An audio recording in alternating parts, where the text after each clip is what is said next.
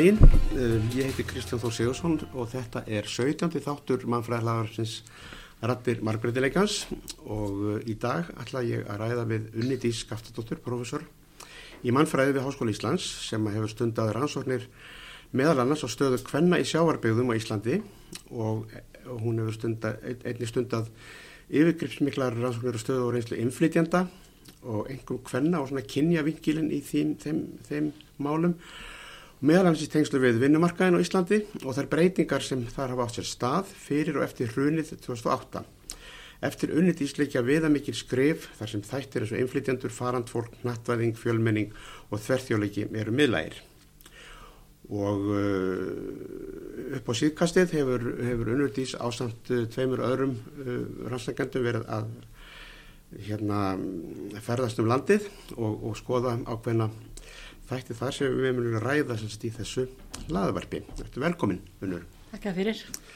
Mér langar að byrja því að hérna, kannski að hérna, nú veit ég það að þegar þú varst að skrifa þína doktorsríkja þá var skerður rannsók sem sagt á vestfjörðum var ekki? Jú, bæði vestfjörðum og, og östurlandi, östfjörðum. Já. Hálft ára á hverju stað. Já. Og það, fjall, og það fjallaði sem sagt um fjallaði um líf kvenna í sjábygðum vegna þess að þeim tíma þá var ég svona, var, var ég búin að búa lengi í bandaríkjanum og, og, vildi gera rannsókn, doktorsansóknum mín á Íslandi. Og ég sá að það var mjög mikið til um svona lífið á sjó, um sjávar, útvegskerfið og um sagt, sjómenn og sjómennsku. En það var voða lítið til að rannsóknum um lífið í landi í þessum byggðum. Það, og, og líf kvennana. Þannig að ég ákvaða að beina sjónum mínum að því í, í þessari doktorsansókn þannig að raunveru sko þessi rannsókn sem ég er að vinna í dag hún á raunveru þegar, þegar ég hugsa um það svolítið rætur að þanga vegna þess að alveg síðan þá hef ég haft á, á, á breytingum í, í svona minni minni bara landsbyðum á Íslandi hvað, þessum breyting sem átt í stað mm. fylgst með þeim og hefur, hefur verið líka í alltjóðlegu samstarfi bæði við fólki Nóri og Kanada um svona minni byggðir mm -hmm.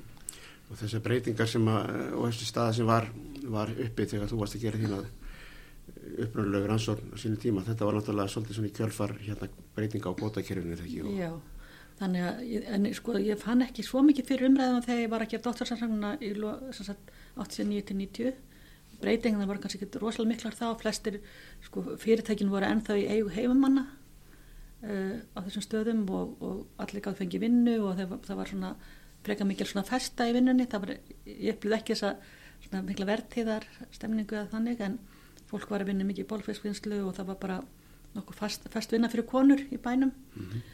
og en sko svo kom ég aftur 96 og 7 og var að hjálta áfram á tveimur stöðum um þetta vestfjörðum og þá sá maður alveg gífilega mikla breytingu og, og þá fór ég að skoða áhrifin á, á, á lífkvenna sem sagt mm. þannig að þetta er svona þarna kemur þessi áhig minna því að mm. beina sjónum ekki bara því sem er í Reykjavík og Hörbruksan mm. heldur fara á, á sálíku landsbyðir sem er mhm. hérna mm. en þarna upp þessu uppröðulega rannsók þetta var, þetta var kannski, það, það var ekki farið að bera mikið á hérna útlendingum, er það í fiski eða? Jú, það var ennabla svolítið útlendingum mm -hmm. en á þessum tíma bara hafiði ég einhvern veginn mestan áhuga að tala um íslensku koninnar en til dæmis þegar ég var að vinna í fiskvinnslunni sem hluta þessara vensfæðarsvansókn þá lendi ég á borði til dæmis í kaffi og svona alltaf með ellendu konunum já, já. og sem voru þá frá Nýja Sjálandi, Suðrafriku mm og uh, Danmörku minnum mig, eitthvað svona Norðurlandunum þannig að, en mér langaði að kynast hinnum þessum, sko, það var svona engi pólvar, mér hafa verið kannski ein pólskona á einu, einum, einum staðnum mm. og fyrir austan mann ég vall eftir ég hafa verið einn erlend, það voru alltaf einhverju erlendir mm. það var þetta fólk eins og bara flestir vita, mm.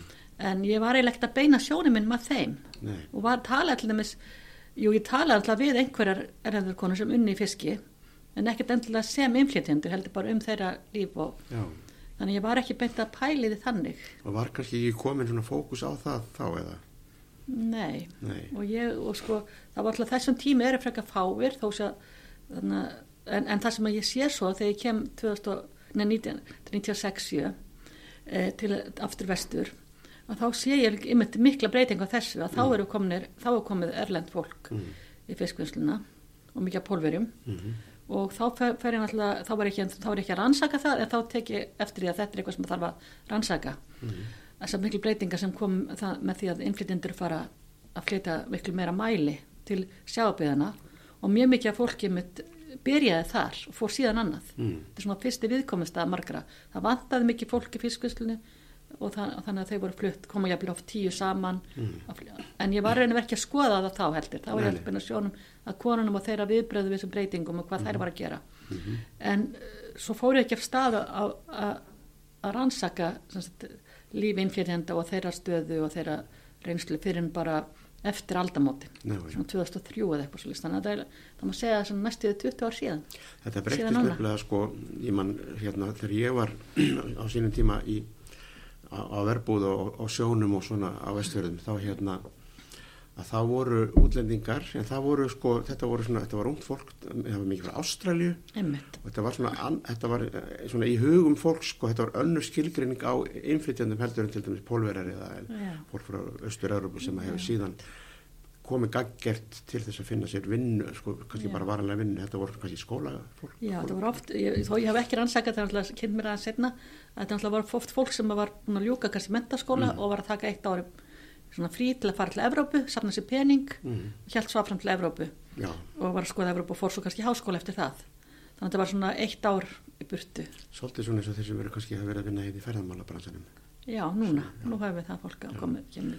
En þannig að þetta er eitthvað sem ég var ekkert svo mikið að beina sjónum að þannig ég ferin ekkert að skoða og okkur fannst 2003 að það hefði orðið mikil fjölgun af innflytjendum Já. en við náttúrulega sáum ekkert fyrir hvað þetta eftir að fjölga mjög mikið nokkur mál setna Nei, nei. sérstaklega 2006 þannig að þá ég, fór ég miklu meira að beina sjónum að þessu að, að þessum málefnum sem tengjast Mhm. flutningi þeirra til landsins stöð þeirra vinnumarkaði og þessi... og þeirra lífi bara á reynslu hérna Mhm. út frá svona þessum aðferði sem við notum með mannfræði Já, já. Þannig að þessi, þessi hérna, þessi hérna tími núna, þessi rannsókn núna sem að, eh, þú ásamt fleirum ert, ert búin að vera að stunda út um, um landið og sérstaklega fyrir vestan þess að þú þekkir, þekk, þekktir til og þekkir til og þetta er alveg gífulega, þetta er breyst alveg gífulega mikið. Já, þetta er mjög mikið breyting að því svo hef ég náttúrulega haldið ára með rannsóknir sem hafa svolítið verið út á landi, en líka Reykjavík. Mm. þannig að fókusin hefur kannski ekkert endilega verið bara á, land, á ólíkum stöðum á landinu. Þó ég hafi farið fyrir tíðan síðan líka út á land ég gerði ger þessum á rannsók þá líka. Þá þannig að þá var náttúrulega mjög mikið breyting líka á, á bara innflytjandi hópunum Já, til dæmis, en ég til dæmis núna þessari rannsókn. Og þess vegna er svo mikið vart að fara á staðina Mhm. og, og, og sjá að því að við hefum einhverja hugmyndir um það hvað eru innflytjendur út á landi, hvað þeir eru ekki og hvernig þeir eru og það er oft alhaft mjög mikið um þá Mhm. og eitt af þessu tilefnum þessar rannsóknar okkar núna er einmitt bara, bara að skoða að fara á ólíka staði og kynna okkur uh, hvaða hópar eru að flytja á þessa staði Mhm. og okkur finnst nefnilega, að mér finnst sérstaklega að því nú Ísland, íslenski fræðmaður í þessari rannsókn að það hefur svo mikið verið sjónum beint að því okkur fólk flytja frá stöðunum mm. og svo hefur mikið verið að gera kannanir og allavega einhverja kannanir á búsettu svona hvernig fólk líkar að búa á stöðunum og af hverju það vil flytja. Og og þetta nýlega rannsókn veit ég sem ég hef tekið líka þátt í sem að var að, að beina sjónu líka því af hverju fólk vil- búa og hvað, hvað það líkar þar. En þetta eru svona meginlega rannsóknir. Mm en okkar rannsókn er ólíka því að, að við erum að sagt að fara á hvert stað í svolítið tíma og tala um ólíka hópa Mm. bæði innflytjenda eða fólk sem flyttir frá öðrum löndum og, og þeir sem hafa flutt til staðir frá öðrum stöðum á Íslandi til að svona sjálfsöld mun eða hvort það líkt eitthvað með þeirra reynslu Mhm. og síðan svo náttúrulega heimamanna við þarf þeirra til þessara breytinga Mhm. hvernig þeim, sem það er nú skilgreind sko. Já, já. Því, það er svolítið mér sjamt oft Já, já, þannig að þetta var náttúrulega, er, er, er þér ennþá í þessir ekki? Jú, við erum, erum, við erum hálnaðar og við erum sem sagt uh, þarna eh, ætlum að vera, fara á sex staðalandinu og við erum búin að fara þrjá staði. Mm og þannig að við erum búin að vera á, á ska, í skagafyrði og, og á því svæði. Við erum búin að vera á vestfjörðum sem norðanverðu fjörstfjörðum bara. Og svo erum við búin að vera sagt, þá erum við mest í Ísverðabæ og, og síðan erum við búin að vera núna á Húsavík og Þórsöfn já, já. Þetta verður allt svona, alveg frábæri staðir og all, allir koma skemmtilega óvart sko. að þetta verður svona, þetta mann, mannfræðileg. og þó veist ég okkur fannst áður að varum að stað þetta verið svo langur tími þrjár mánu, að hverjum stað en okkur veist eða allt verið að fara okkur veist aldrei nógu lengi Það er oft svo leiðis. alltaf upplifað sem margt skemmtilegt og Mm. eitt af sem margt áhugavert fólk og okkur veist alltaf að það verið gott að vera lengur og Já, það er, svo er bara líka það, þetta er bara skemmtilegt að vera á þessum stöðum Já, þannig að þetta er, Kynnast þannig, að þetta er svona alveg bara vettfáns rannsókn. En ég ætla með langar að spyrja þig hérna í sambandi við þetta, hvert, hvert var svona tilefni þessara rannsóknar? Hvernig, akkur, akkur, Akkur ákveð við þrjára fara saman í þetta verkefni. Uh, við náttúrulega hefum allar þrjár verið, semst ég, Pamela Innes og Anna Vagtinska, við hefum allar verið að skoða reynslu innflytjenda á Íslandi á, bara með ólíkra áherslur. Mhm. Og tilefni var beila bara það sem ég var að lýsa, við þegar það mantaði rannsókna svona á þessum, á reynslu fólks á Íslandi í þessum dreifðu byggðum sko Mhm. og okkur fólk flytur þangað, hvernig líkar og auðvitað er náttúrulega, erum við með ákveðna svona fræðilega spurningar á bakvið þetta sem tengjast Mhm. spurningum, veist, hvað er um, um spurningum um þarna aðvild eða útlokun, hvernig fólk fær fólk getur orðið þáttakið í samfélagi uh, hvernig og allt þetta, hugtak sem er mjög umdelt með aðlögun, hvað er aðlögun hvernig sér fólk aðlögun Mhm. hefur fólk einhverju hugmyndir um það Mhm. stann fyrir að við séum að segja að þetta er aðlögun, hvað finnst þér um það og hvernig mæla eitthvað, þá reynum við að ræða fólk um þetta hugtak og hvað því finnst Mhm. og reynum að þeirra rödd sko Mhm. og, og svona þannig að þetta er það svona fræðilega bakgrunur ansóknarinnar og hvernig, hvernig tungumáli til dæmis kemur inn í þar. Þannig Já, ég og, veit að- tungumála, og tungumálanám og hvernig fólk læri íslenskuna og hvort að læra hann eða ekki þannig að það eru margar svona fræðilega spurningar bak við þetta Já. sem að en við svona eins og bara við erum, sold, við, við erum soldið sko að kasta netinu soldið vítt sko Já, já. og við erum ég, pín, ég hafði pínu áhyggjur af því fyrst en núna eftir ég er búin að vera sem þremur stöðum þá sé ég að það er ákveðin kostur af því að þá meira líkur að við sjáum margbreytileikan til dæmis meðal innflytjenda Mhm. þetta er rosalega margbreytilegur hópur Mhm. og við erum bæði að fara á staði það sem er mjög fáir, það sem er innan við 10% innflytjenda og jafnvel minna og, og staði það sem er frekar hátt hlutfall Mhm. Þannig að það, það, það hefur líka okkur finnst mikilvægt að þess vegna er líka mikilvægt að fara bara ekki á einhvern eitt stað og fara svo aðhafa frá honum. Einmitt. en, um, en, en í staðin höfum við rosalega mikið af gögnum Mm. og rosalega mikið af viðtölum og, og sérstaklega að það er COVID tímar þá gáttum við ekki tekið spýð þátt að við vildum þannig að við þurftum að taka um fleiri viðtöl í staðin Mhm. Hún Pamela hefur nú verið að rannsaka svolítið svona þessa tungumálalegu, já, vitir það ekki líka? jú hún hafði verið nokkrum af þessu stöðum áður með svona fókushópa um það sérstaklega. Hvernig fór, og þannig að það er eitt af því sem hún hefur til þess áhuga á Þetta er kannski hlutur sem er að svolítið í þess, sam- þessari rannsókn. Ja, þetta er náttúrulega mikilvæg hlutur sem kannski er svona svolítið, hort framhjástöndum, er. Við hefum báðan alltaf að skoða það vegna þess að í fyrir rannsóknum mínum þar sem að ég var að tala við innflytjendur eða fólk sem hefur flutt frá öðrum landu til Íslands að þá og þegar ég tala um innflytjendur þá ég við fólk bara þessa skilgreiningu hagstofunar fólk sem að er fætt erlendis og fóldra fætt erlendis ég er ekkert að, Mm. það er bara svo merking sem ég sem Mm. ég tekið þegar við erum að tala saman núna Mhm. að þarna að þetta, sko, þó svo mína sjón, mínu rannsóknun áttu ekki endilega beinast að því, þá kom þetta svo rosalega stert fram Já, með tungumálið og fólk vildi tala svo mikið um þetta að læra íslensku, Mm. að kunna íslensku en ekki íslensku jafnvel áður en ég fór að jafnvel stundu þegar ég var að setja sniðið með fólki og við vorum ekki búin að byrja að hefja viðtalið þá fór fólk jafnvel að tala um mm.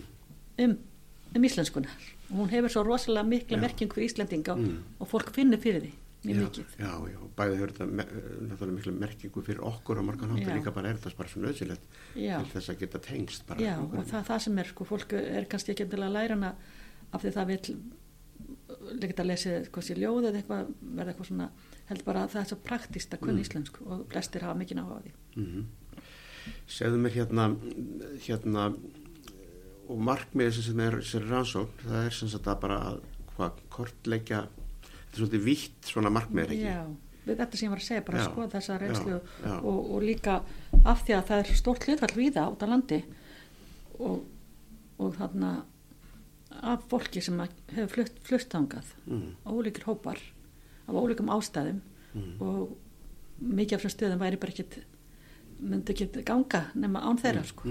Bæði vegna skólana vegna allra þjónust, alls konar þjónustu Mm. sem er haldið uppi þess að- til þess að samfélag geti gengið. Mm, og þetta vegna líka vinnunar Mm. bæði ferðamanninanum og, og frumvinnslu greinunum. Mm, þannig að það er bara en við viljum líka en við skoðum líka samt aðra hópa við törum líka við aðra hópa. Mhm. við náttúrulega viljum tala við, við innfættar sem hafa búið lengi á stöðunum hvað finnst um þessar breytingar til dæmis. Mm, að, og líka við fólk sem er að flytja það sem við sjáum að við tölum við aðflutta bara sem að kannski sem, er, sem við tölum við kannski komið frá Reykjavík á Kópaví voru kannski námi kannski í Danmörku eða einhverstur að koma svo beint út á landa og aldrei búið kannski út á landa áður þeir eru ofta rekast á ímislegt líka já, já. sem er svona svipað en Mhm. auðvitað hafa það tungumálið og, Mm. en hafa ofta ekki neinn tengsl og þannig að það er, það er áhugavert fyrir okkur að heyra þeirra rætti líka þeir og af hverju þeir flytja til, það er oft svipar ástæður fyrir því að fólk vil búa á minni stöðum það er ekki allir sem að flytja út að landa og að, sagt, að verðlunum uppruna sem er að fara aðna því að þau bara að því að það fá verðluna að vinnu með við, með við heima Mm. þau eru ofta að sækja að vera á minni stöðum Mm. og við sjáum til dæmis á vestfjörðum að það er alltaf þessi háskólasettur þar sem að dregur að mikið af fólki Mm. sem að, sem að hefur sérstaklega áhuga að læra og jafnvel búa á svona minni stöðum og kemur miklu þekkingu Mm. og svona á staðina og breytir stöðanum örgleti já, og maður er nú að segja þetta svolítið akkurir líka til já, háskóla þar var. já, komið bara ekki að breyti já, en, en, akkur er alltaf ekki njökkar nei, nei, nei, já, já, ég, svona, Fyrirmyndin, já, hva, hvað áhrif þetta hefur á já, þannig að þau breytast þetta byggðulegðin og fyrir, mörg, fyrir margar er það kannski erfitt og þetta, þetta er ekki bara það er bæði jákvæmt og neikvæmt í þessu. Já. en nú eru þið búin að vera á þremur stöðum og hérna er þetta svæðum, já, og, hérna hver eru þetta hvað byrju þetta var sagt Ísafjörður, Vestfjörður já, Ísafjörða bær svona Já. þar kring og svo vorum við á- í Skagafyrði þá var aðalega kringum sko, sögurklokk og það svæði Mhm. varmarlíð og, og þarna Hofsós og það svæði Mhm. og fórum aðeins jú líka ég má kannski gleyma því í, í fjallabygð semst þá Siglifjörð og Ólafsfjörð mm. og við vorum svolítið að taka og tala við fólk þar líka og svo fóruð þið þannig við austur fórum freka víða á því svæði Já. þarna fjallabygð og skafið Mm. og þar en síðan fyrir, þau vorum fyrir norðan þá ætluðum við að fara kannski líka svolítið meira um en við ákvæðum að leggja bara áherslu að vera á Húsavík mm. fórum aðeins þar í kring en vorum mest á, á Húsavík og svona pínar aðeins í kring Mm. og síðan bara á Þórsöfn Mm. til að fá svona norð-austur svæðið Mm. Er þetta ólíki staðir svona, út frá þessu viðfansefni Já, þetta er mjög ólíkir staðir og ólíkar ástæð fyrir því að fólki að flutta þangað. Eins og þessi Húsavík hefur alltaf rosalega mikil, fer, mikil, fer, mikil ferðamennska mm og hvalaskoðun er alltaf rosalega stórt uh, rosalega stór þar. -hmm. þannig að það er alltaf mjög margir sem hafa komið og eru kannski bara mest stóra hluta ársins á Íslandi en fara svo heim eða ekki, hei, Íslandi er svolítið heim en líka þeir fara þá klippur um landsins. Mm uh, hlutar á árunni líka. Þannig að það er rosalega stór hópur sem gerir það þar. -hmm. og svo er náttúrulega alltaf einhverjir sem setja stað. Mm og, en það er líka bara það er náttúrulega líka fiskvinnsla og kjötvinnsla og einmislegt þannig að það eru ólíkir hópar -hmm. sem að koma. En þarna eh, þannig og náttúrulega þorsafn er að fyrst verðast fiskurinn sko. og við vorum þar á, fer, á ver, ver, þannig verðtíðinni þannig að það var svona mikið að gera mm. en skaga en það eru líka fólk þar sem hefur verið lengi, lengi og sest að og bara hluta samfélaginu. En, skaða fyrir alltaf miklu lægra hlutfall já, og því, þess að því svæði sko. þannig að það var svona það er, oft, það er mikið, það er mikið alltaf þýskukonunni sem hafa komið. Já. og, og skandinaviskum vegna hestamennskunar og, og sem er að búa í sveit og svona. Já er, það, er þannig. Já, en auðvitað líka fiskvinnslan eins og söðakröki sko. þannig að það er svona, þetta er svo margir hópar. Mm. Og öllum þessum stöðum finnum við fólk sem bara bara með svo kallar lífstíls Mm. flytjendur sem flytja bara vegna að vilja búa velja friðsala staði þar sem er fátt fólk og þar sem er Mm. kyrðin og kyrðaró og, og náttúran. Og svo er það oft, oft náttúrulega svo ákveðin hópar sem er líka bara sækja í þessa þarna útivist alls konar útivist fjallamennsku og já, já, vetraríþróttir og svona og spurt úr skarkalanum þetta er svo rosalega breiður hópur það er það sem Já. mér finnst mikið vant að hafa í huga Já. að, að, að við erum bæði eigum við til að, að, að hafa um landsbyðnar mm að, og ég heyra svo mikið að því ég er reykjakingur og, og fólk alltaf tala um mig að svona þetta er svona landi og þetta er svona landi en auðvitað er bara landsbyðnar mjög ólíkar mm. bara stærð og gerð og inn, bara eftir hvers hvernig Mm. atvinnveiri er og annað Jú. og svo alltaf fólki sem flytur ángað bara kemur á ólíkum ástæðum. Mm. en þetta er vinnan oft mjög stórluti eins og hefur bara verið almennt í Íslandi Mm. að fólk er að koma mjög stórlutin til að vinna hér. En á Ísa, Ísafjörðabæ og þar, þar í kring þar hefur náttúrulega þar hafa komið, sagt, komið ákveðin fjöldi er ekki líka. Sem er, það sem er svona enginni það kannski frekka frá hinum eða hvað? Mm, já, nema það er alltaf ekki sest að kannski þegar maður hluta til. En jú, þeir hafa þeir hafa meirinn aður, meirinn hinnir sem er komið á hinga til. Mm. Hinnir staðnir sem er form og það hafa ekki tekið klippingu.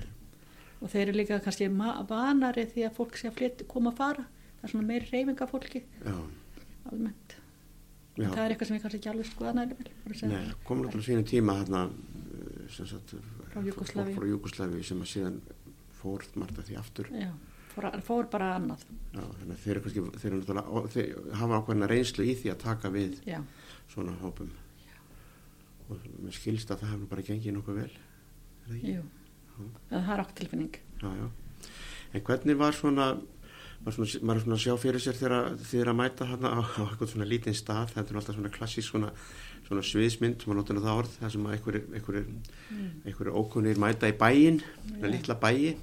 Og í þessu tilfelli er þetta einhverja þrjár kon, konur úr háskólanum, já, ætla að fara að skoða hérna, heimamenn. Já, erum alltaf, Hvernig er svona tekið við ykkur? Hvað, hvað, hvað, Sko, auðvitað var mikilvægt að hafa í huga að við náttúrulega komum þarna og rannsókninni senkaðar við um nokkra næstuði hálft ára út, að, út af COVID. mm Þannig að þegar við förum síðan af stað þá er ennþá mjög mikið loka vegna COVID. Þannig að við þurfum að fara náttúrulega varlega samband við að því að eins og þú veist með mannfræðinga að maður svona á að reyna að taka þátt í viðburðum og allir sem mögulega hægt er að gera á staðnum og Mhm. reyna að finna leið til að svona hitta fólk. Og það er náttúrulega ekki hægt á tímum COVID.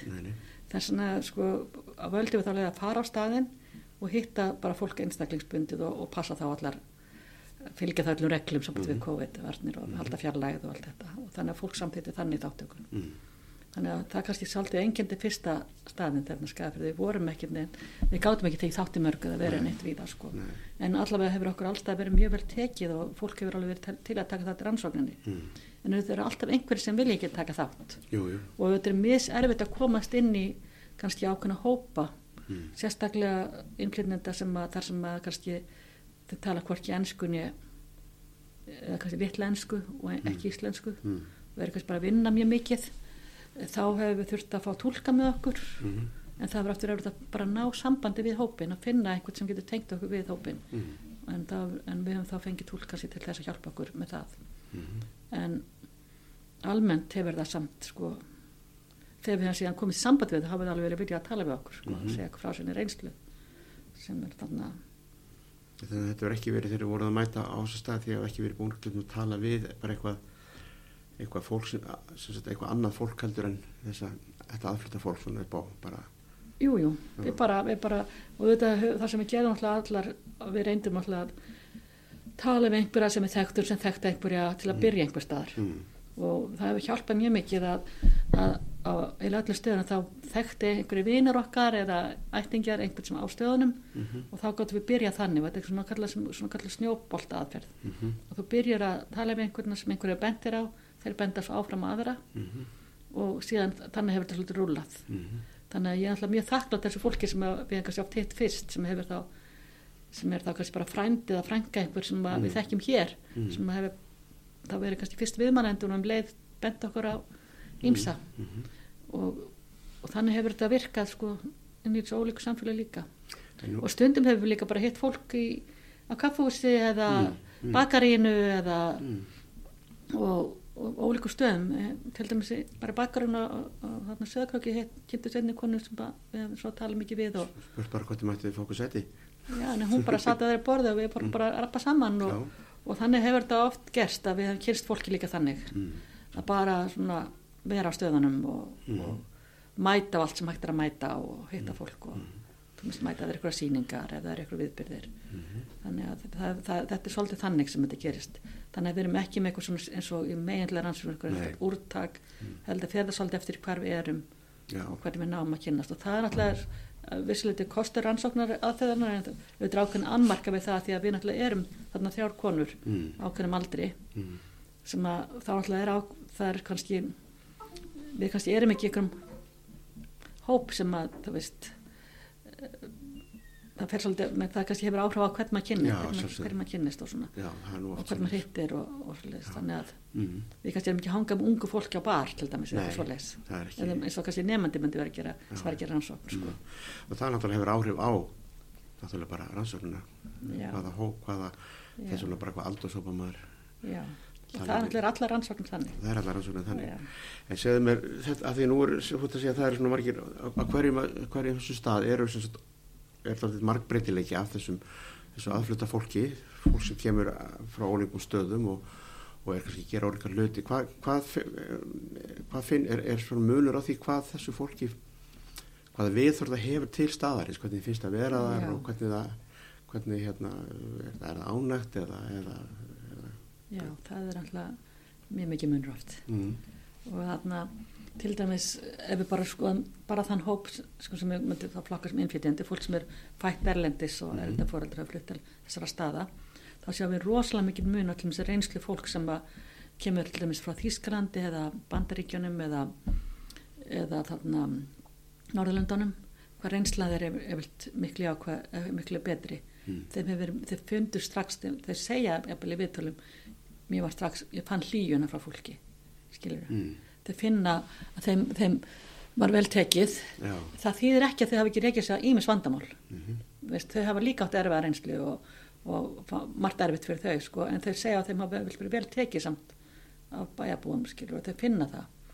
Eh, aftur á móti fólk sem hefur komið frá Austraröpu og hefur komið að vinna í fiski þau finna, þeim, þeim finnst ofta að fólk líti á það eitthvað mm. svona neikvæm og þau sjá mm, að þeim, þau hafa þau, þau finnst að fólk sé ekki meina íbúar bæ- bæjanna segja en þeir líka ekki illa við þá en Nei. þau finna ekki neitt Mm. svona Já. og þau er vera, miklu erfara með að vera þáttækandur og, mm, og þeim finnst ofta margt sér erfitt, miklu erfiðara Já. og sérstaklega fólk sem er kannski öðru litrætti þeir Mm. finna líka fyrir því Já. þannig að það er alveg það er alveg mikil munur á reynslunni sko og hvernig þau talar reynslu sína já, fólk sem kemur frá Norðurlöndum eða, eða Norður-Európu Íslandingar líta kannski líka á það frekar sem svona skildari sér já og það er það sem við sjáum nefnilega að þeir ég, þannig að við myndir svolítið fjalla með þetta í, í grein sem ég er að, er að reyna að móta sko að því ég held félagst um þetta að sko þeir sem að, að Íslandingarnir líka sem við tölum við þau líta, þau líta jafnvel ekki alveg á það sem útlendinga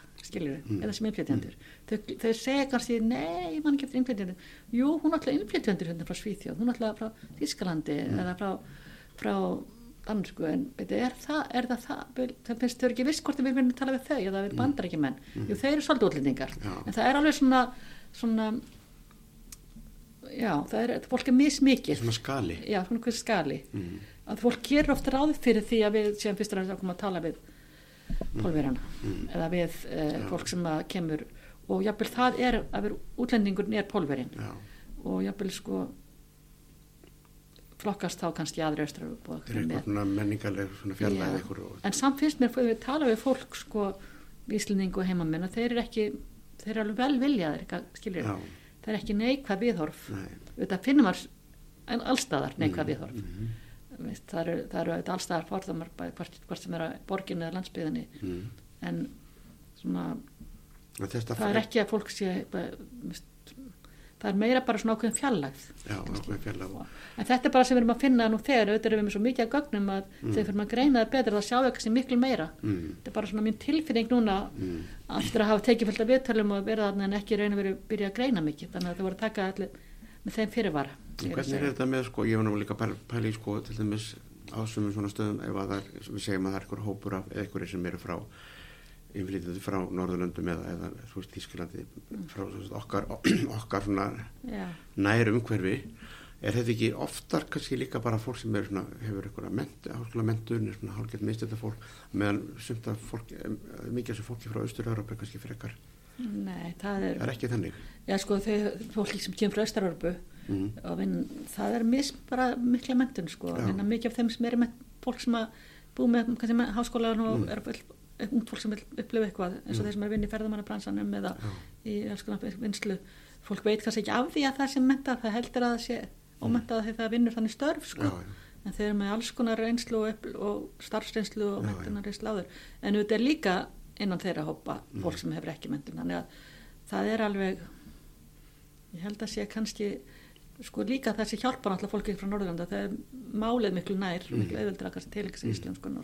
Mm. Og fá sitt sína mentun metn og komast inn í samfélagi Mm þannig að ég veit ekki hvort að mentun er endilega sko mikil munur Nei, það er allir gangur á því, maður alveg veit að það er fólk, er innflytjendur allstar sem eru með eru með mentun og, og hérna er fá ekki starfið það hæfi. Og er ég ekki endilega að leita því þegar kannski margir eins og frá Pólandi eins og mm. við séum líka öðrun ansaknum ég og Anja að það, það er alltaf fólk ofta alltaf bara koma alltaf að vera stutt og svo, svo mm. íleng, ílengist það sko. Já, er það tilfellið það líka með þessa staði að, fyrir utan, kannski fyrir ef, ef við tökum að bara á Norðurlandi að það er svona svolítið rótasjón á fólki. Já, það er alltaf verið og, en það er líka sama hvort þú kemur frá þarna Norðurlandunum eða Þísklandi eða frá bara, þarna öðru löndum. Ég, er ekki alveg viss með bandrengimenn það er svolítið að bandrengimenn sem heit líka að breytum og svona en með hýna þá er mjög algengt sama hvað er að fara að gera í Íslandi það er, er alltaf ofta að búa bara stutt mm. alltaf bara að prófa að búa á, á svona stað mm -hmm. eða að búa í Íslandi og svo bara, bara alltinn er, er liðin mörg ár og þú mm. bara eitthvað neina ert alltaf að svona leiðin tilbaka en þú, mm. svo ertu bara, nú ferður fer bara alltinn að finna ég heima hér og mm. þetta er aðvarstaðurinn og mm. þannig að það, þetta er ekki eitthvað svona ákveð fólk tekur oftast sko og þannig að það er svona þetta er svolítið breytilegt sko mm. þetta er alveg ekki sagt mikið um það ennþá með Nei, nei. Eftir, að, eftir að skoða þetta allt miklu betur þess að við erum með svo rosalega mikið að við til við erum komið sko, yfir 100 næstu um 200 viðtöl þannig að þetta er orðið svo mikið já, já. og mikið þátt, mikið alls konar nótum sem við tekið niður og þannig að við, við getum ekki að en það sagt nei, nei, nei, það má kannski bara ítrykka það fyrir þá sem er hlusta þetta, þetta er bara rannsóð sem er ennþá í gangi og það er ekki konan sko. eina niðurstöð já, þannig að þetta er bara svona mín tilfinning núna segðu mér hérna, en svo er náttúrulega eins og á Ísafjörðberg, þar er, er við vorum að tala um þess að flóta fólk og svona, þar er náttúrulega, er hópar af fólki sem er í svolítið, að við vorum að tala um menningarlega fjarlæð, yeah. sem er í svolítið meiri menningarlega fjarlæð við, yeah. við hérna Ísla, Íslandi eða Íslandinga, sem er fólk frá, frá hérna mm. uh, Suðustur Asíu eða, eða hérna Norður Afriku eða, eða þú veist, þetta er svona miðsturlönd, mm. flóta fólk sem hefur komið sem að yeah sem er svolítið menningarlega svona allavega er margir heima með skinnja þá sem Já. svolítið, svolítið fjarlægari en sko ég veit að við erum alltaf að þetta lítill hópur þá kannski er þetta vera að segja mikið akkord um þeirra Já, að því við, við erum alltaf reynum að heita, við heitum trúnaði sko Já, en, bara... en það sem við sjáum með þennan hóp sem, við, sem er það núna mm -hmm. að það hefur auðsálega þeir sem að tóka mót þessum hóp hefur lært eitthvað mikið af fyrir reynslu vegna mm. þess að þau hafa, eru meira með öll íslenska mannandi í dag og, og mm. eru mjög mikið hlut af samfélaginu og eru, vin, mm. eru vinnu eða námi eða og tala, við tókum við til bara íslensku sko Já. og þannig að það, og þau eru ekki búin að veita lengi nei, nei.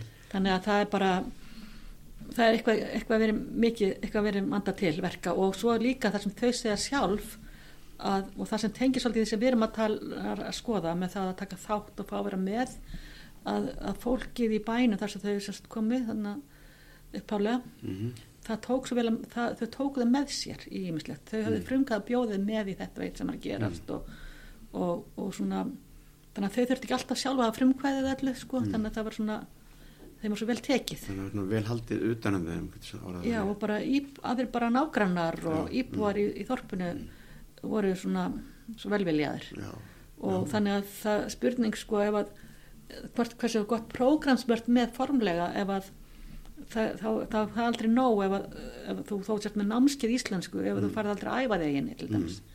og með því að fá að vera hlut af samfélaginu fá vinnu til þess að leikskóli eða mm. einhverju öðru þá færðu þau tækifæri til að æfa og, og reyna á, mm. á það sko, á að reyna á það þannig að svona þessi, þessi en það er ekki það með að það sé allir sammálu um þau í bænum og er sko, minna á svæðinu Nei, fólk, svona... sem er fyrst svona talað um að það finnst sérstaklega að sjá þau um svona klæðabörð og svona annað já, sko. það sé svona já, já, þetta hafa sko. verið við það það er náttúrulega sko náttúrulega greinilegt að þessi, þessi hérna, þetta, þetta mótöku net sem, sem greinilegt er að vinna sína vinnu vel og hefur bara mikla reyslaði og svo segir lært en ég náttúrulega hef ekki sko nægilega mikið sambrað því ég hef ekki tekið, þó ég hef kynst einum öðrum hóp á landinu, eða tveimur réttar sagt mm. sem hef, það hefur, sem hefur ekki tekist eins vel Nei. þá svona er ég aftur að skoða þetta betur Já. og við erum með, með mestranam í verkefninu sem var með okkur og hún ætlar að hennar lokaverkefnum tengir svolítið þessu Já, þessum spurningum en þannig sem ég nú bara þér að pæli þessum hóp sko, eins og hann á Ísafjörði því að við getum að tala við að eitthvað fólk sem er fyrir utan þetta net sem sagt bara eitthvað íbúa sem sagt um, um viðþorf Jú, tölum bara við alls konar fólk. já, um, Gamla og unga, bara ísfyrðinga eða fólk sem er búin að vera þetta lengi, en þetta Já. getum við ekki til af alla, þannig að Nei, þeir náttúrulega, við tölum við þó nokkuð af fólki sem að bara er búið alla sína æfi já, og sumir sem hafa búið, bara eru orðnir mm, bara komin á svona svolítið aldur, þannig að þeir hafa, Já, mm. geta sagt okkur svolítið svona breytingunum, sko. Og líka yngra fólk, mm, þannig að við, þess vegna finnst okkur sem mikið að hafa rödd heimafólks já, með. Þessar sem skilgrann sem heimamenn sem er annað mm, annarkvort uppaldir þarna eða fætur uppaldir eða, eða bara hafa verið þarna mestar, mestar sinna æfi. þannig að þetta voru kannski svona mismunandi viðþorf Já, og maður náttúrulega veit hérna að fólk oft segir ákvæmlega hluti en, já, en hérna sem er ekki alltaf samlega með hvað það já. gerir og eða hvað það nú meinar sko. En við, þetta er bara einn, af- mjög lítill hópur með þeim alla hópana, Já, já, sko, já. þannig að við vorum ekki sérstaklega bera sjónum að þeim. Sko. nei, nei, nei, nei, ég nú bara að lýsa að þetta er hópur sem hefur er, svona, er svolítið undir Já, í fókus þó sé lítill. En það er náttúrulega líka, sko, og það er það sem ég sé nefnilega að þannig að það er bara að gera svolítið Íslandi, sko, eins og kannski að Norðundunum að, að eins og þú veist náttúrulega þú sjálfur vera að skoða Mm. muslim í Íslandi að það er svolítið mikið verið að spyrja mann hvort sem að að skoða flóttafólk en þetta er svo líðið hlut af innflytjandum sko, og stundir setja fólk samansættmerki millir innflytjandi og flóttamaður sem er svolítið sérstætt á Íslandi vegna þess að flestir sem hafa flutt til landsins hafa einmitt komið bara til að vinna og Mm. til að búa hérna eða til að vera stættan tíma og þetta er svo lítið hlut af hópnum mm. að þannig að og svo er náttúrulega kannski ákveðin, ákveðin hluti flotta fólks eða ég tala ekki um þeir sem eru sko með stöðu svona hæ, hælisleitninga já, þeim bara fá ekki að vinna. Já, einmitt, þeir hafa ekki lefið til þess. Leif til þess sko. Svona, sérstaklega ef þeir eru fallið um trákunar reglugerður og svona, það fyrir eftir hvers konar hvað þeir fallið inn, hvort þeir með vinna tímputið ekki En hvernig er að vera hérna eins og þetta teimi, þrýeikið já, hérna, hvernig er að vera þrjár á svona saman á vettvaki oft er nú svona í mannfræðinu, oft er þetta einhver ein, einmanna sál sem er eitthvað bara ræð, ræður sér á sínu já, hvernig er að vera þrjár samankomnari á okkunnum stað og vera að vinna Já. svona verk? Sko við hefum svona stundum við erum allar sama í sama húsinu og stundum ekki sko. En við hefum kosturinn við er alltaf að geta bæði hvað við erum ólíkar og ólíkum uppruna mm. ein bandarísk, ein pólsk og ein íslensk kannski ég Mhm.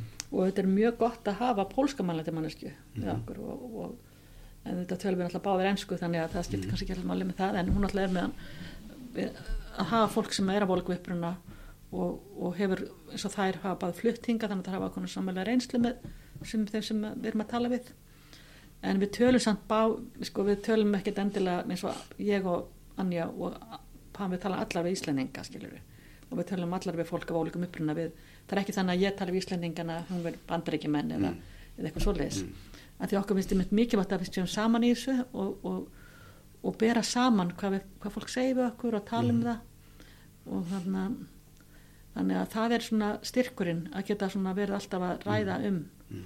að því það er eitt eðileg svona eiginlega rannsókna svona vettvansrannsókna að þú ert alltaf að þú, þú, þú, þú setur ekki bara spurning fram í byrjun og svo bara fylgir Mm. henn alltaf Nei, nei. þú ert alltaf að endur með þetta, þú ert alltaf að pæla veist, Mm. er eitthvað sem við erum við erum alltaf að rekast á eitthvað nýtt sem að við hefum kannski ekki að átta okkur á Mhm. og, og hópa sem við vissum kannski ekki af Mhm. og þannig að það hefur auðvitað áhrif á spurningarnar okkar Já, já, það sem við viljum vita já. þannig að, en auðvitað eru alltaf með okkar við erum svona grundvallar spurningar Mhm. eins út frá því eru svona Mhm. Ákveðin, það er alltaf að vera ákveðin sveigileiki í svona rannsókn Mhm.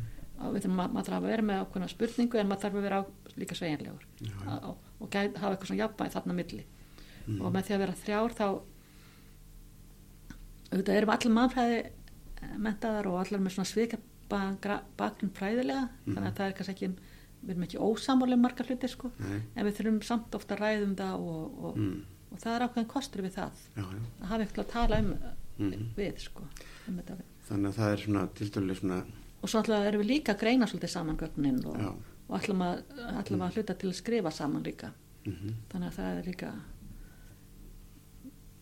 það er líka svona hefur sína kosti Þannig að þið hafið verið svona allar svona þrjár sem sagt á svona sömu leiðinni já en auðvitað erum við svona að þegar við við svona, við spyrjum sem spurning og ræðum fólkum sem hluti en Mhm. auðvitað, eins og til þess að þú myndist á sjálfur þá hefur til dæmis Pamela mikið áhuga á íslensku kjænslinu og íslensku náminu og, Mhm. og hefur mikið áhuga kannski fjalla meira um það í sínum gre- greiningunni sinni og svona Mhm. og við Anna hefum haft mikið áhuga á vinnumarkaðanum og stöð fólks á vinnumarkaði Mhm. þannig að það er svona við, við kannski hefur svipaðri svona áhuga á þe þeim málum Mhm. og svo Anna hefur líka mikið áhuga á svona hvernig það byrtist í svona menningamálin og þáttöku í svona listum og menningu og Mhm. þannig að þetta er svona, við erum auðvitað svolítið ólíkar en samt. Skarast það mjög mikið. Og vík, það er, virkar perspektífið já, vonandi. Þannig að við vonum að það hafi að hjálpi. Mm. Og þú hefur náttúrulega verið sérstaklega þannig verið vestan eins og bara núna þú hefur náttúrulega verið er ekki svolítið með í bakhöfðinu svona frá því þú varst þannig fyrst. Já, það er rosalega breyting. Já. Og bara flestum náttúrulega Ísland hefur mjög mikið breyst bara allt síðan já. Já.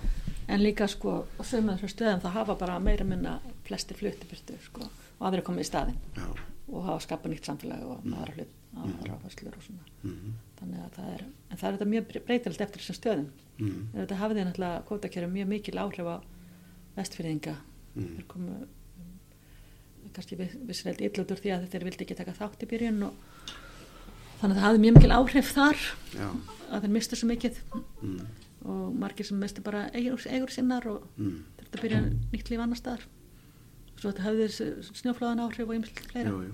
þannig að það er auðvitað margt sem hefur gerst þar kannski sem er Mhm. sé- sérstakt en, en reynir verið hefur líka eh, sko það er miklu mér stöðuleiki til dæmis held ég hérna á norðausturlandinu en sambandið íbúða frá sko Já, hverju kom, að koma að fara það er meiri Meiri- reyfing reyfingan á Já. vesturum en ég held bara þannig að já það er alveg gífileg breyting frá því ég var Já. fólki var allar verið fiski og bara mm.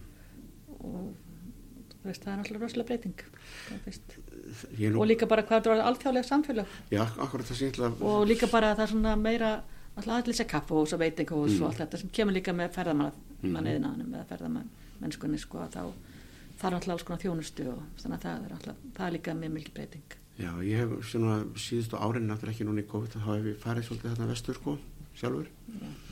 og einmitt svona tekið eftir því hvað hérna eins og bara með Ísafjörðabæ sko hvað þetta er í raun og veru svona fjölmenningarlegu staður. Já, þetta er mjög svona og alþjóðlegt svona alþjóðlegt. og svona svolítið svona kosmopolitísku staður þó að sé lítill. Það sem, maður tekur svona eftir því það er svolítið áhugavert. Þetta er svolítið þannig eins og bara miðbærin sko. Já, og, og, og, og kringum þetta hérna háskólasettur mikið af, af mikið svona reyfing á sem sagt. Erlendu fólki þar sem það má alveg að segja sko að, að fólk gleymir stundum að, svona eins og háskólasettrið á Ísafjörði, þetta er eiginlega byggðarmál sko. Mm, og þetta er eitthvað sem að stjórnvald þetta er kannski að, ég veit ekki hversu miklu leiti þau hafa á, beinast áhuga á þessum máli sko, en þetta er alltaf rosalega mikilvægt fyrir byggðartráun á svæðinu en ég held að fólk átti sig kannski alltaf á því sko, nei, að hvað þetta, skiptir miklu máli þessi skóli. Þetta skiptir miklu máli og eins og, eins og maður segir þá að því hafi náttúrulega ekki verið á Akureyri þá maður getur bara séð með sko háskólan á Akureyri eftir að hann kom, hvað hann breytti miklu. Ekki bara Akureyri, þetta er öllu, öllu þessu svæði. Já, bara til þess betra að margan hátt. Já, en svo er bara spurning hvað fólk vil hvernig samfélag fólk vil skapa og það er kannski ekki allir sammálum að það sé akkurat þarna. Nei, nei, það það sem að fólk en na, Já, það er kannski eitthvað sem að fólk deilar um bara skiptir máli og hvernig mhm, hvort það að vera meiri samt við sjávarútvegin eða hvort það að vera meiri samt við eitthvað annað. Mhm. Svona, Segðu mér, þegar Já. það heima, þetta þessir heimamenn svo kallu sem að þið eru, voru að tala við í sambandi við þeirra viðþór til útlendinga og já, innflytjenda og líka bara viðhorf þeirra til búsettunar við, við, spyrjum alla um til dæmis viðhorf til þjónustunar og viðhorf til, mhm. til að búa á þessum stað og hver kostur að gallar og svona. Mhm. og því að það sem við hefum líka áhuga að skoða er bara hver eru hvað að segja til dæmis aðfluttir mhm, um, um þjónustuna og um þetta allt saman. Mhm. hvað segja þeir sem hafa alltaf búið þar? Mhm, að þeir sem að hafa alltaf búið á stöðunum þeir eru að ofta að sjá eftir ímsu mhm, veist, það var banki áður þarna það var, það var, það var pósthús, það var þetta, þetta, þetta það var læknir, það var þetta. En þeir sem eru kannski aðflutur, þeir voru ekki mhm. að meðan allir þessi þjónusta var. Nei, nei. þannig að það er svona áhugavert að skoða að spurja svona frekar svið við spyrjum ekki alla, alla sömu spurningan þetta, Mhm, en það er svona ákveðin þættir sem við spyrjum allum og svo spyrjum náttúrulega þá sem eru heima, svo kallar heimamenn mhm. um, sem sagt, við þarf þeir einmitt til aðflutra Já, og ég ætlaði einmitt að spyrja þið semt við það sko, er eitthvað, getið get, gáttu við mert eitthvað svona mun á svona viðþorfum heimamanna út frá sko bara svona samfélagsstöðu þeirra, bara svona, þú veist. Já. Því að það er stundum talað um það er kannski eins og bara á Vesturlöndum, minnstýta fólk og svo aftur á móti svona Já. Hérna, verkafólk eða, eða mismunandi stjettir hafa mismunandi Já, ég veit að svona kannanir hafa sínt svoleiðsar við þarfa, mm. til dæmis kannanir sem ég hef kynnt mér hafa sínt bæði hér og annar staðar, fólk sem er kannski meira mentað eða með öryggari atvinnu sjálft, Mm. það er yfirlega ákvæðara mm, fólk sem flyttir til landsins. Mm, en ég get ekki alveg sagt um það frá þessar rannsókn, ég átta mig ekki alveg á því. Ég ekki, nei, ég hef ekki, ekki alveg komið auga á neitt svoleiðis. Og kannski kemur það bara fram kannski sjá að það betri fyrir að greina gögnun en ég get ekkert sagt um það þessu stíi sko. Nei, nei, að, það er ekkert sem að ég hef tekið eftir en sérstaklega, það var ekkit, alltaf ekkert svona ábyrjandi nei alls ekki, nei, það er náttúrulega hefur verið verið að næra sem er að vera að næra, næra það hugmyndað hérna og beint í aðsens að uh, lástjölda fólki og sérstaklega fólki sem er atvinnulöst og svona að, að þessir innflytjendur þessi að taka vinnu, stela vinnunni og, Já, það bara er einhvern veginn hefur verið nóg vinna og það Já, vantar fólk á þessa staði Já. þannig að ég hef ekki heyrt neinn við þurfum að taka, taka vinnum frá neinum sko, þannig að það trikk virkar ekki. En ekki í Íslandi held ég Nei. sko. og ég heldur ekki, bara almennt ekki heyrt á Íslandi. Nei, nema kannski rétt aðeins á kreppunni sko síðustu þá hefði margt aðeins. Mm en þetta er mjög, hefur ekki verið viðhorf sem maður er mikið, maður heyri mikið á Íslandi. Eða ekki verið verið við fyrir rannsóknum heldur sko. Segðu mér sagt og það er heldur ekki þessi umræða sem við heyrim í Norðurlöndunum Nei. um að þeir sé að taka sko, að þeir sé að koma að lifa velferðarkerfin svona, við heyrim ekki það, það við miklu meira á Norðurlöndunum. Mm, það er bara ekki þessi þetta, það er bara ekki þess vegna er svo líka mikilvægt að við alhæfi ekki með öll Norðurlöndina þessi Mm. svona og svona og, og sem við viðhorfu og þetta sé eitthvað norrænt mótel eða eitthvað já, þetta er svo ólík lönd sko. mjög eru mjög ólíka, Ólík ólíka pólitík bara líka. Já, ólíka pólitík í þessum málun líka. En segðu mér þið sem sagt, eru þú ert nú í bænum hérna núna. Eru þið, þið hvenær farið þið svo aftur? Svo er stefnun að reyna að komast á austfyrði já, og nú erum við bara á fulla að finna okkur húsnæði þar sem gengur ekki vel þannig er að við ætlum að reyna að komast á, á í fjárðabyggð já, og einhver starf tísvæ, annarkvort reyðferðið eða skifjörðið einhver starf þar. Mm en það, það er ekki gengið enda að finna húsnæði. Nei, þannig að við erum svona með það í bakhöndin að kannski þá fara Suðurlandið kannski á annarkvort að vík eða jafnvel bara hortna fyrir núna. Það er þessi tveir staði sem eftir eru eftir það. Mm þannig að það fyrir allt eftir hvort þið fáum húsnæði eða ekki. Það, bara- það sem enginn er alla staðina er það er bara mikil já það sáum við líka á hinustöðunum að það er bara allstaðar þarf á það er fólk að flytja til þess að stað það vilist vera fyrst að fólk bara það vantar bara allstaðar húsnæði. Mm. Ég, bara, ég held að öllum sem fóru til þá er verið að -hmm. það er vandamál með að fá húsnæði bara hvort bæði leigu húsnæði og þannig að það, það hef bitnað líka okkur sem er maður reyna Mm. að leiða tíumbundið og komast inn eitthvað starf tíumbundið jafnvel í að það er bara erfitt að fá húsnæði. En, við vonumst til að fara á Ístfyrði núna Mm. í vor, í april verður bara gera sem alveg norski að taka mjög tjald já, Já, þetta er áhugavert. Þetta er hérna, hefur verið gert svona rannsókn áður, svona, svona stór rannsókn um þessi svona gagvirku, svona, nei, svona samskipti og viðþorf og annað svona samlíf sem sagt svona, það sem, að kem, það sem, að, það sem er, er svona við það, sem þú ert að segja, byrti svona fyrir manni svona þessi mynd að, eins og segir að, að mar, margir hafa það hugmynd með landsbyðina, skagafjörð og húsavík, þetta sé bara svona, það gerist ekkert, þetta er einhverju litli staðir Já, og svona, svona, en þetta er mikið svona degla og, og reyfing og, og svona lifandi staðir. einmitt. Og þannig að það, já, það eru svo miklu staðalmyndir um bara í Reykjavík á höfbruksvæðinu Mm.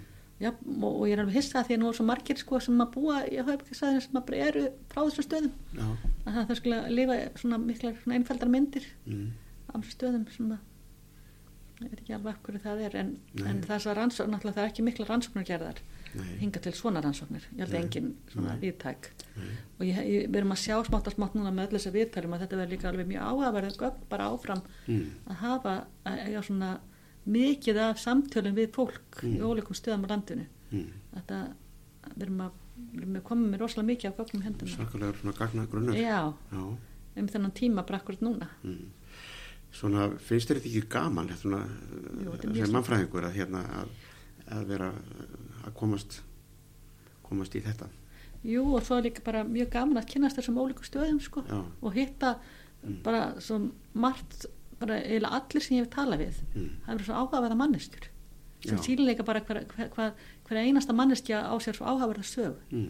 þeim kannski finnst þau vera veljanleg en þau eru bara öll svo sérstök og hafa öll svona þannig að og þeirra viðhorf og, og þeirra reynsla og þeirra upplifanir Mm. hvort sem þið eru frástöðan með hvort þið eru fluttangað er bara mjög áhugaverð Mm. þannig að við erum að tala við svo áhugavert fólk bara hverjum degi við tölum svolítið ekki um marga hverjum degi vegna þess að það er krefjandi að taka viðtal Mm þá er það sé bara svona samtal Já, já. samtalsformi og maður þarf að hlusta vel og maður þarf að vera með aðteglina og, Mm. og versta sem maður gerir er að, er vera þreyttur og Mm. vera ekki að hlusta markvist Mm. þannig að við þarna tökum ekki mörg viðtal hverjum degi nei. en öll, ég held að við hefum bara allir sem við hefum hitt hafa verið mjög áhugaverðir Mm. og svona hafa haft svo áhugaverða okkur finnst þetta allt svo spennandi sem þau eru að segja okkur Já, þetta er náttúrulega samræmi en þetta er þeirra daglega líf þannig að þau áttar sig kannski á hvað er áhugavert fyrir okkur Nei, og það er líka þessi hérna, þessi alhæfingum ekki bara um einhverja staði, einhverja litla einhverja svona lítil svona maður notur nú bara almenna íslensku svona krummaskuð út á landi, Já. það, það, sé, það sé ekkert að gerast þar og Já. þessi svona einhverju sveppbæir og allir bara vinni fiski og eitthvað, það Já. veist, er ekki neitt en það kemur ljós að það er þetta eru ólíki staðir og mikill margbreytileiki innan þeirra og á milli þeirra. Og svo náttúrulega eins og og allt þetta það fólk. svo er alltaf yfirleitt ekki einangræður fólk er bara á ferðinni alltaf Já, og já. vinna út af og stöðum og, og við erum með svo miklum tengslum og, já, og þó þú segir landfræðilega kannski einangræður þá er þeir yfirleitt ekki einangræður Nei, og svo og þeir, þessi eru- og minna, þeir eru að selja fisk á heimsmarkaðin og taka þátt í og svo þannig að við erum alltaf bara og þess, svo þessi, þessi staðalmynd líka um það að sko að, að þarna þessir innflytjandur sem er að vinna út á landi þetta sé líka bara einhver ákveðin einsleitur hópur og sem að sé bara svona ekkert áhugaverður þannig séð. en eins og segir þá er hver manneskja þegar maður fer að tala við hana þá er hún áhugaverð og hefur áhugaverð líf. Og hérna og, og maður fær og, svona eins og fjölbreytir ekki svo mikill. Já, og maður fær með svona rannsók þá fær, fær, fólk, fær maður svona einsýn inn í það. Já, en auðvitað erum við ekki skoða bara einstaklinga, við erum að skoða hópa eins og maður gerir í jú, En við sjáum samt, sko, já, já, ég meina við erum alltaf ekki beina sjónum bara, þetta er ekki einstaklingssögur, sko, þetta er alltaf um hópana, Jú, sko, jú. en við, bara, en við sjáum að það eru margir hópar, já, já. En það blasir alltaf við manni þegar maður tekur viðtal við eitthvað já, sem að maður heldur að sé bara ósköp innan gæsalega venjulega manneski Já. að þessi venjulega manneski er kannski ekki til. Einmitt, einmitt, við erum öll óvinnuleg okkar hátt og höfum öll einhverju sög að segja Já. og erum öll áhugaverð líka. Og það er það sem gerir þetta svo áhugavert og skemmtilegt fyrir okkur, sko, að okkur leiðist aldrei, sko, það er alltaf, já, já. alltaf gaman, sko, þannig að þið, lakki til að til okkur til að halda áfram, leggja eigin aftur. Já, já. já. og hvenar reknið með að þetta verið búið Sko, við erum eftir að vera sko, að sapna gögnunum og við erum við byrjaðar að við erum, ekki kannski byrjaðar að greina skrifum við erum svona að gera drögað einhverju greinum tremur greinum en við erum búin byrjaðar að kynna þetta nú þegar á nokkru rástefnum mm ég held að við höfum kynnt á þremur rástefnum nú þegar. Við erum búin að skrá okkur á nokkur eða svona sækja um að vera meðan okkur rástefnum viðbóti þess ári. Þannig að við erum svona að kynna bara svona frá ákveðnum stöðum kannski ákveðna þætti. En við verðum sko við erum sérst eftir að fara á núna uh, má, sex mánuði á þessu ári eftir. Þannig eftir svolítið löng fjara vera Mhm. þrjá mánuði á hverju stað og svo á næsta ári þrjá mánuði þannig á, á vettvangi.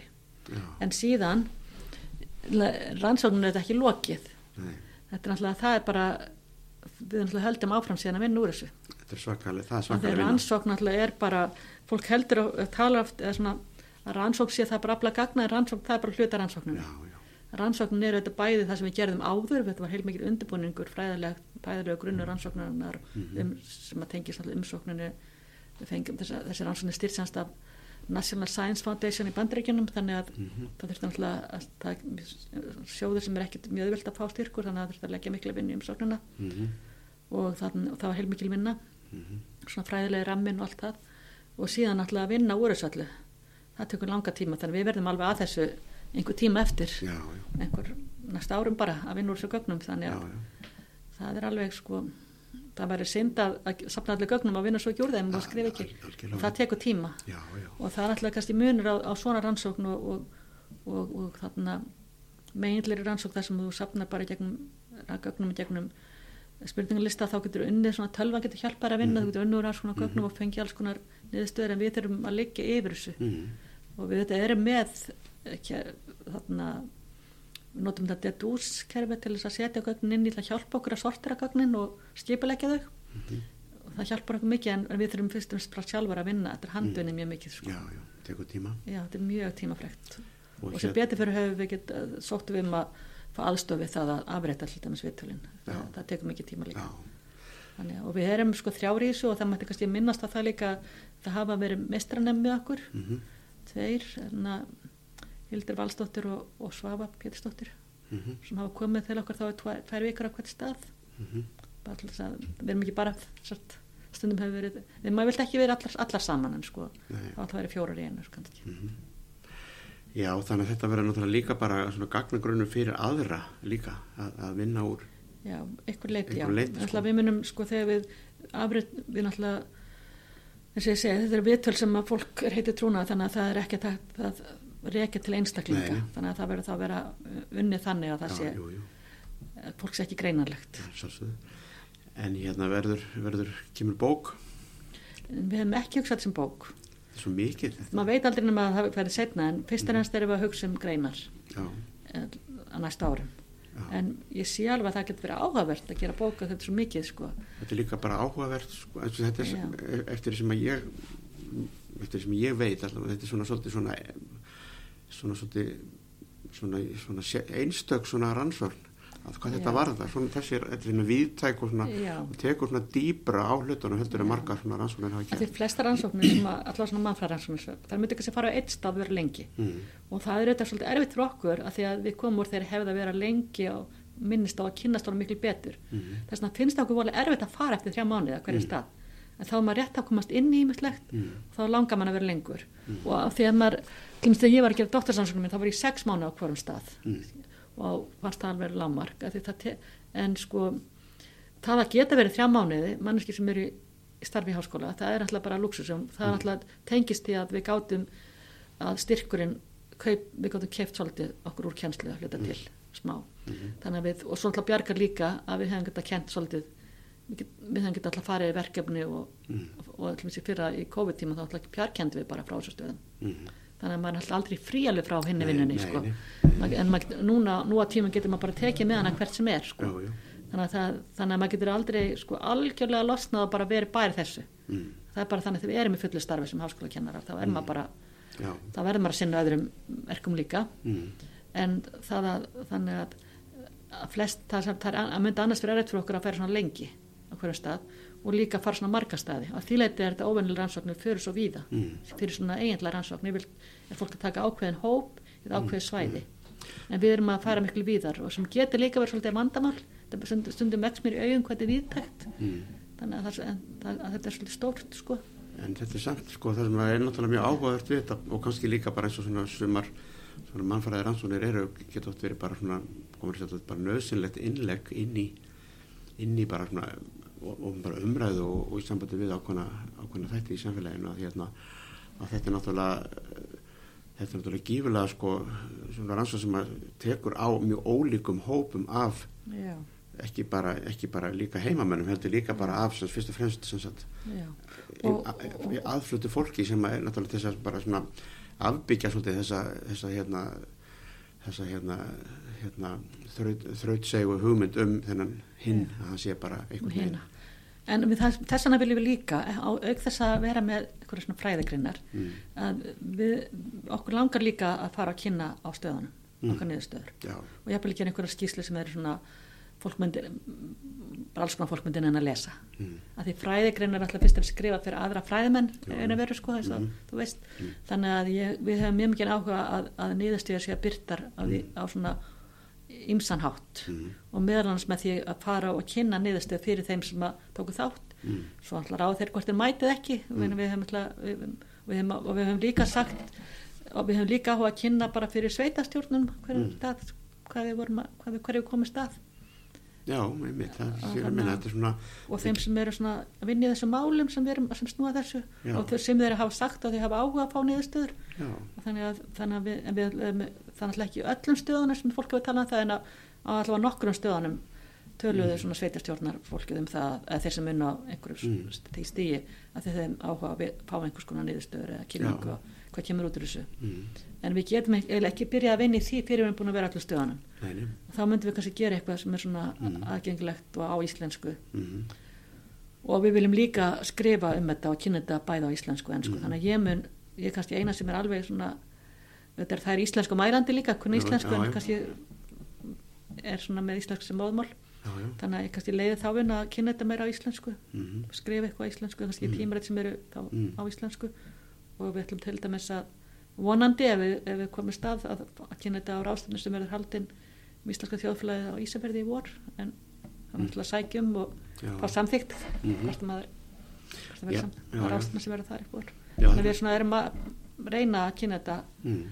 til fleiri hópa sem hefði þá vonandi áhuga eða Já, það sé að meina að þetta sé náttúrulega sko, að því litinu til er þetta svona svolítið svona pólitísk pólitísk hérna rannsókn hún hefur alltaf ákveðin svona myndi ég segja ætti að geta haft áhrif að einmitt á eins og sérstaklega, sérstaklega nú þegar ef eitthvað, eitthvað, eitthvað sveit, sveitastundan fólk út á landi er búið að sjá það að þetta sé eitthvað sem það geti notað það er náttúrulega mjög ef gott. kannski finnst þið áhvert áhverta sko samt við eitthvað stefnumótun og, bara pólitík. Það geti verið sko. En svo er náttúrulega margt sem að þeir eru erfitt með að stjórna eins og það er oft verið að gaggrenda að það sé ekki nægilega mikið íslensku námskeiðum og svona. Og, en máli er það að, veist, eftir litlum stað þá er oft erfitt að ná þannig að það er að auðvitað að standa hérna í regi við sig akkur er kennið ekki mér íslensku? Og akkur er ekki ekki þetta. En ef þú ert með lítið bæjarfélag mm, og kannski ekkert mjög marga innflytjendur sem er á því stíja þegar þeir eru á fyrsta stíði eða öðru stíði í íslensku námskeiði að þá, þá, þá er oft erfitt að ná nægilega mörgum til að geta haldið námskeið skilur við, þannig það er alls konar praktiskar ástæð fyrir Mm, því mm. að það er ekki hægt að bjóða upp á alls konar námskeið fyrir alla. Nei, það er bara oft ekki nægilega margil til, að taka þátt í þeim nei, nei þannig að þá er þeir að finna leiðir að til að koma móts svo, ólíka hópa þetta eru Mm. ekki bara fólk með ólíku upprena þetta er líka ólík mentunasti mm, og kannski bara alltaf fáir Mm. hverjum tíma sem maður sækist eftir því mm, þannig að það er svona, svona auðvelt að að svona horfa utanfrá og vera ekkert að sjá ekki hvað mm, að þau eru ofta að takast af alls konar mál sem maður kannski er ekki mm. svona einfalt að leysa Já, já. Þannig að ég hef þá tilfinningunni að þetta verkefni það sé svona að svona kortleikja er hann að vera einhverja svona, einhverja svona e- eitthvað veruleika sem að kannski hefur ekkert mikið verið svona Mhm. verið gert á, á þessu á svona vítakan hátt. Svona, þannig að þetta mætti jafnvel setja sér svolítið svona tímamóta rannsóknir ekki?